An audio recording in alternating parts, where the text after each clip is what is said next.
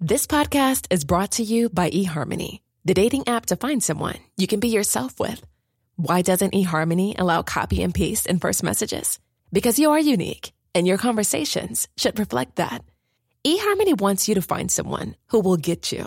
How are you going to know who gets you? If people send you the same generic conversation starters, they message everyone else. Conversations that actually help you get to know each other. Imagine that. Get who gets you on eHarmony. Sign up today. Hiring for your small business? If you're not looking for professionals on LinkedIn, you're looking in the wrong place. That's like looking for your car keys in a fish tank. LinkedIn helps you hire professionals you can't find anywhere else, even those who aren't actively searching for a new job but might be open to the perfect role. In a given month, over 70% of LinkedIn users don't even visit other leading job sites. So start looking in the right place. With LinkedIn, you can hire professionals like a professional. Post your free job on linkedin.com slash spoken today. Ukas annonsør er Nice Mobil, og hvis ikke du har fått med deg dette tilbudet her nå, ja, så var det jaggu meg på tide, for nå kan du nemlig prøve Nice Mobil for halv pris i tre måneder hvis du bestiller med kode EINAR24. Tilbudet det gjelder ut juli, så her er det altså bare å kline til. Og hvis du på et eller annet sjokkerende vis aldri har hørt om Nice Mobil, så skal ikke jeg latterliggjøre deg for det. Men jeg skal opplyse deg om hva du har gått glipp av. For Nice Mobil er en målrettet annonsør med kun ett mål for øye, og det er å gi deg Norges billigste mobilabonnement, min venn. Derav slagordet helt enkelt billig. For det skal være enkelt, og det skal være billig. Og siden de liker det enkelt, så er det ikke noe binding eller noe sånt fjas som gjør at det er vanskelig. Det er enkelt, sier jeg. Og alt de vil, er at du skal gi dem en sjanse, og teste det ut sjæl. De er nemlig så sikre på produktet sitt at alt de vil, er at du skal teste dette her helt sjøl, til sjøs, til fjells, i bilen, i båten, i hva enn du hoppestokken, øh, privatflyet ditt, hvor enn du beveger deg, og med hva enn du beveger deg med. Og alt du trenger, er å gjøre følgende. Last ned Nice mobilappen. Velg abonnementet du vil ha. Legg inn koden EINAR24, og simsalabom-balabim så har du tre måneder abonnement til halv pris. Og tilbudet det gjelder ut juli. Ja, ikke sant? Så det betyr at du kan få Nice mobil til halv pris gjennom alle sommermånedene. Ja, god sommer, da, du.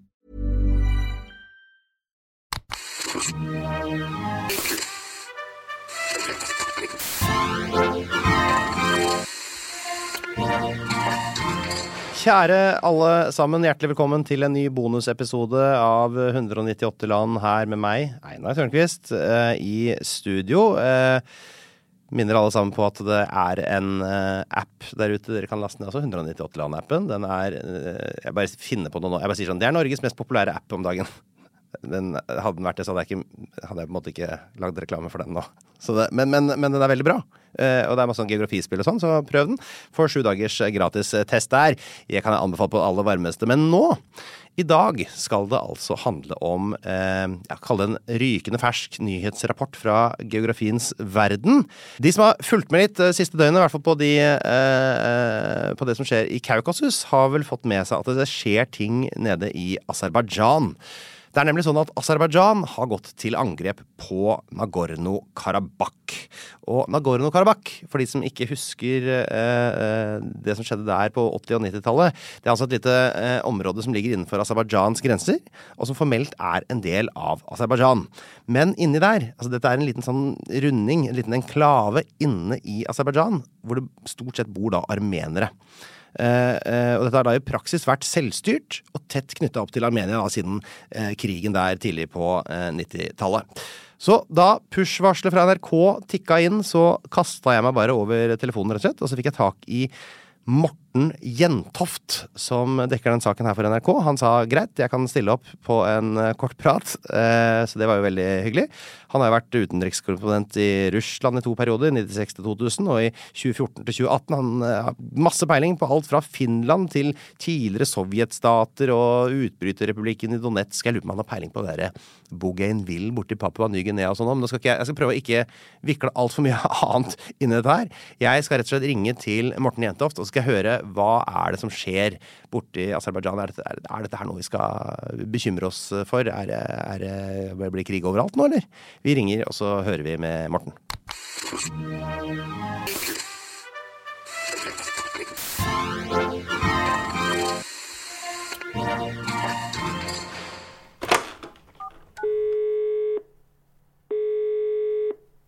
Hallo, Morten Jentoft. Ja, hei du, der var vi, ja. ja. God dag, god dag. Har du noen minutter nå, eller? Ja, et par minutter har jeg, ja. Mm. Fantastisk. Morten Jentoft, eh, i dag så eh, får jeg et push-varsel på min telefon om at det er en eh, væpnet konflikt på gang i Nagorno-Karabakh. Eh, hva, hva, er det som skjer? Det som skjer der, det er at uh, Aserbajdsjan uh, har satt i gang det de kaller en eh, begrenset antiterroroperasjon. Man liker jo ikke å snakke om krig lenger internasjonalt. Eh, Putin snakker jo også om en spesialoperasjon i Ukraina. Eh, inn i eh, Nagorno-Karabakh. For å repetere litt historien her. altså Nagorno-Karabakh er et område inne i Aserbajdsjan, eh, et land i Kaukasus som en gang var en del av Sovjetunionen.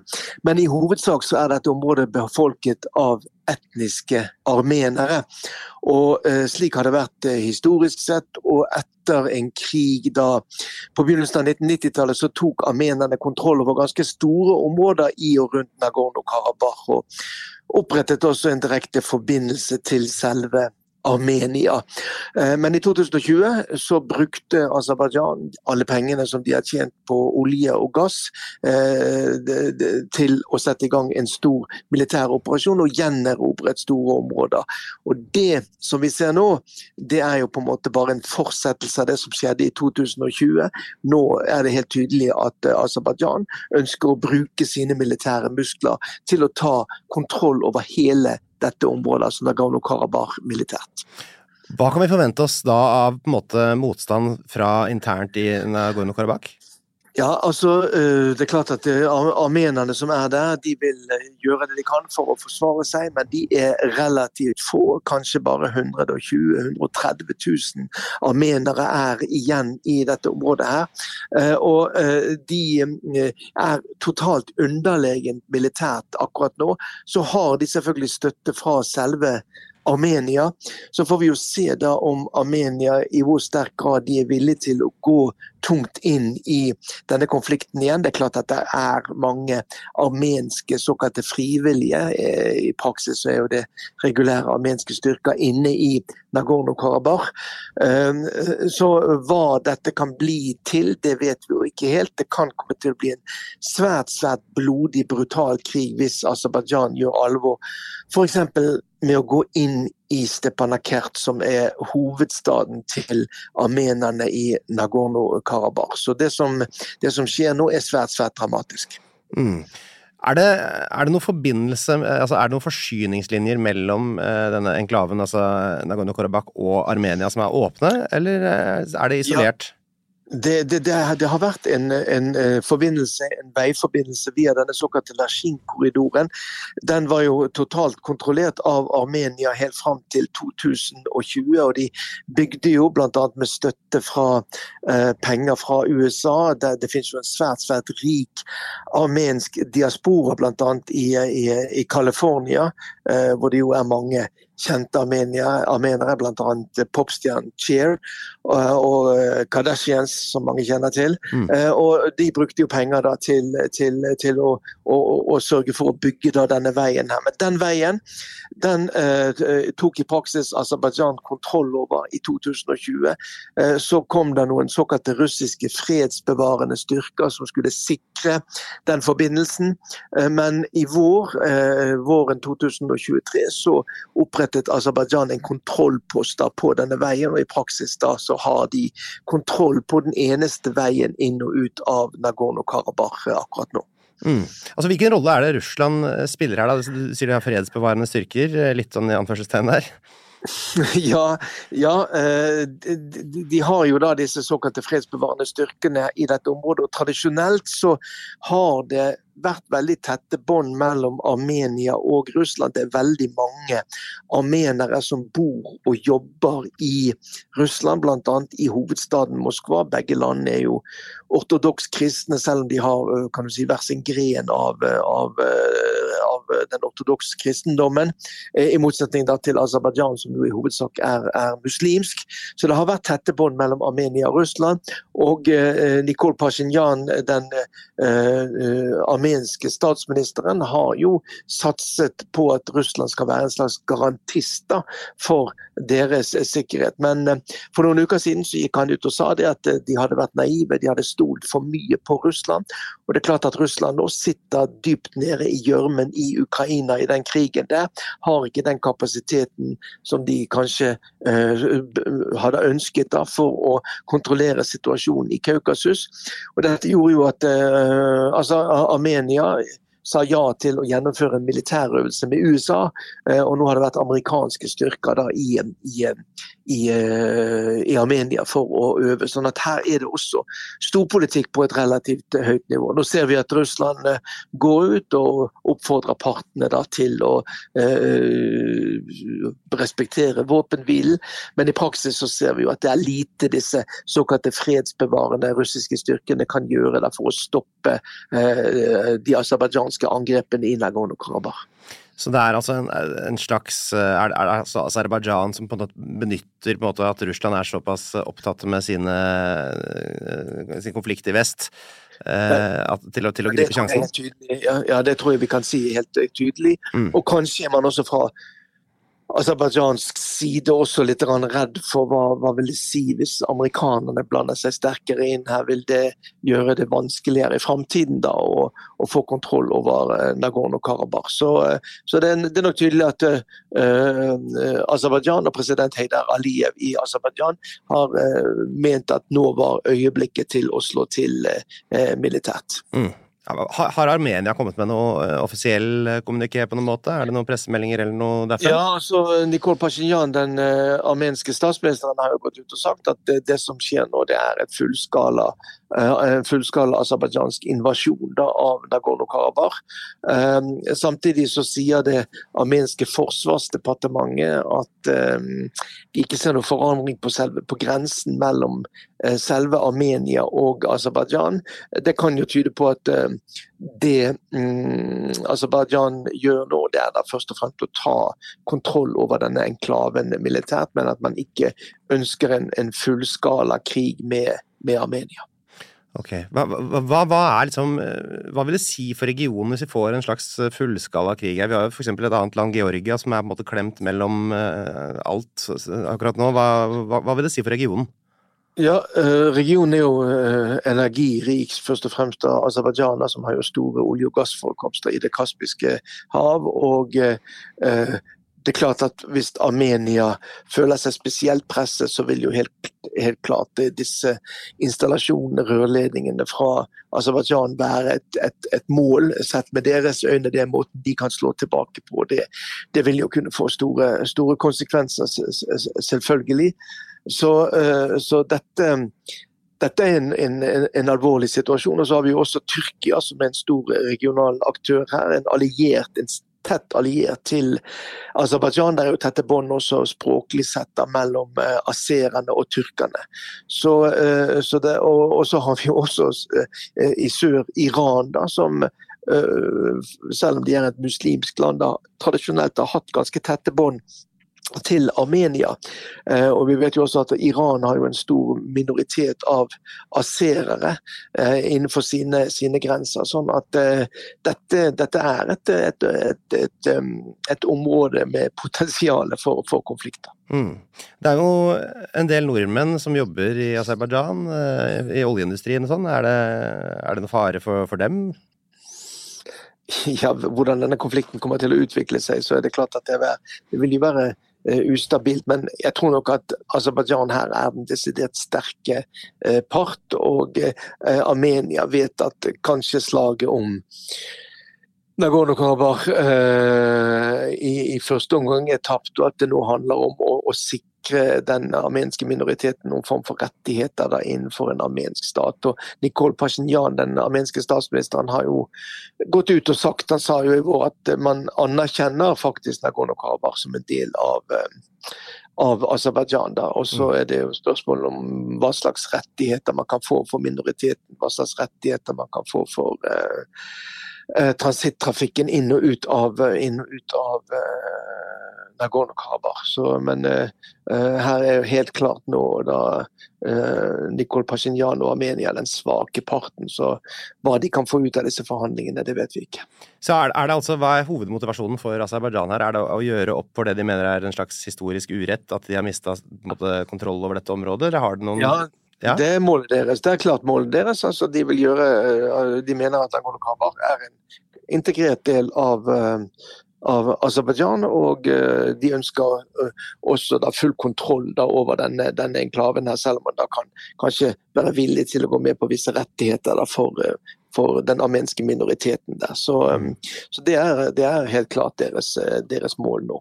Det, det, det, bor aserbajdsjanere der òg, eller er det bare armenske? Ja, altså opprinnelig, opprinnelig, før Sovjetunionens oppløsning, altså på slutten av 1980-tallet, så bodde det også eh, aserbajdsjanere innenfor dette området her, samtidig som det bodde jo også armenere i andre deler av Aserbajdsjan, bl.a.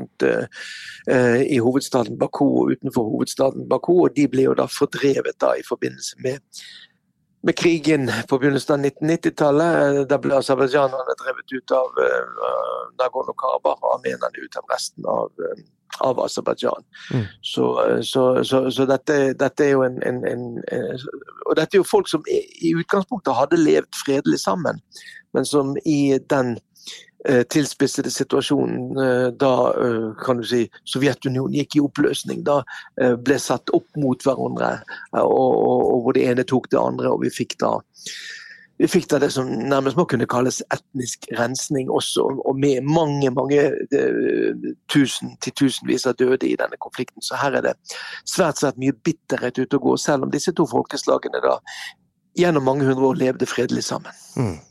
Har det, har det, kommet noen eh, reaksjoner fra resten av verden? Har det kommet noe fra Europa og Kina? Ja, altså EU oppfordrer jo sterkt til eh, Aserbajdsjan til å slutte med, med, angrep og sette seg tilbake til forhandlingsbordet.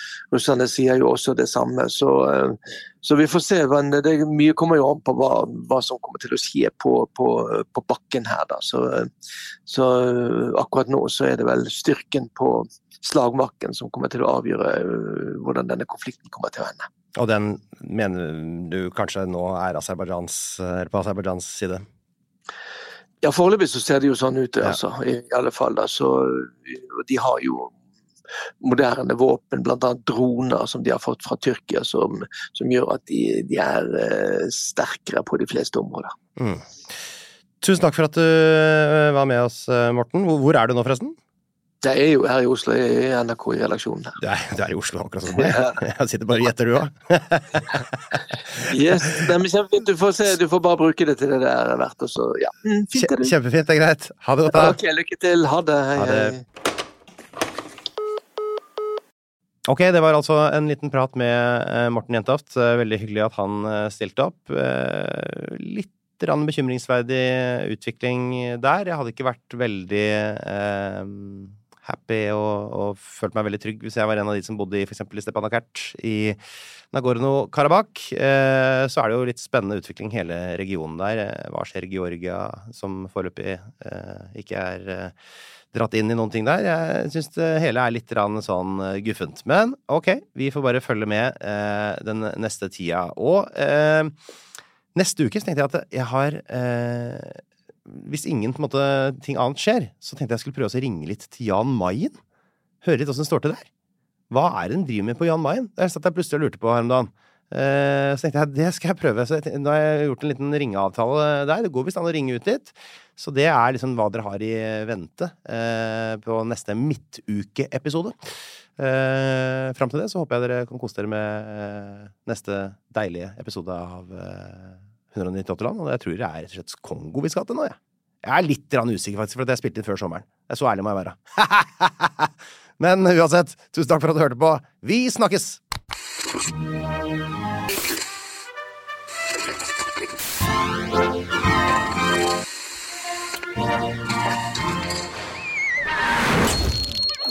B.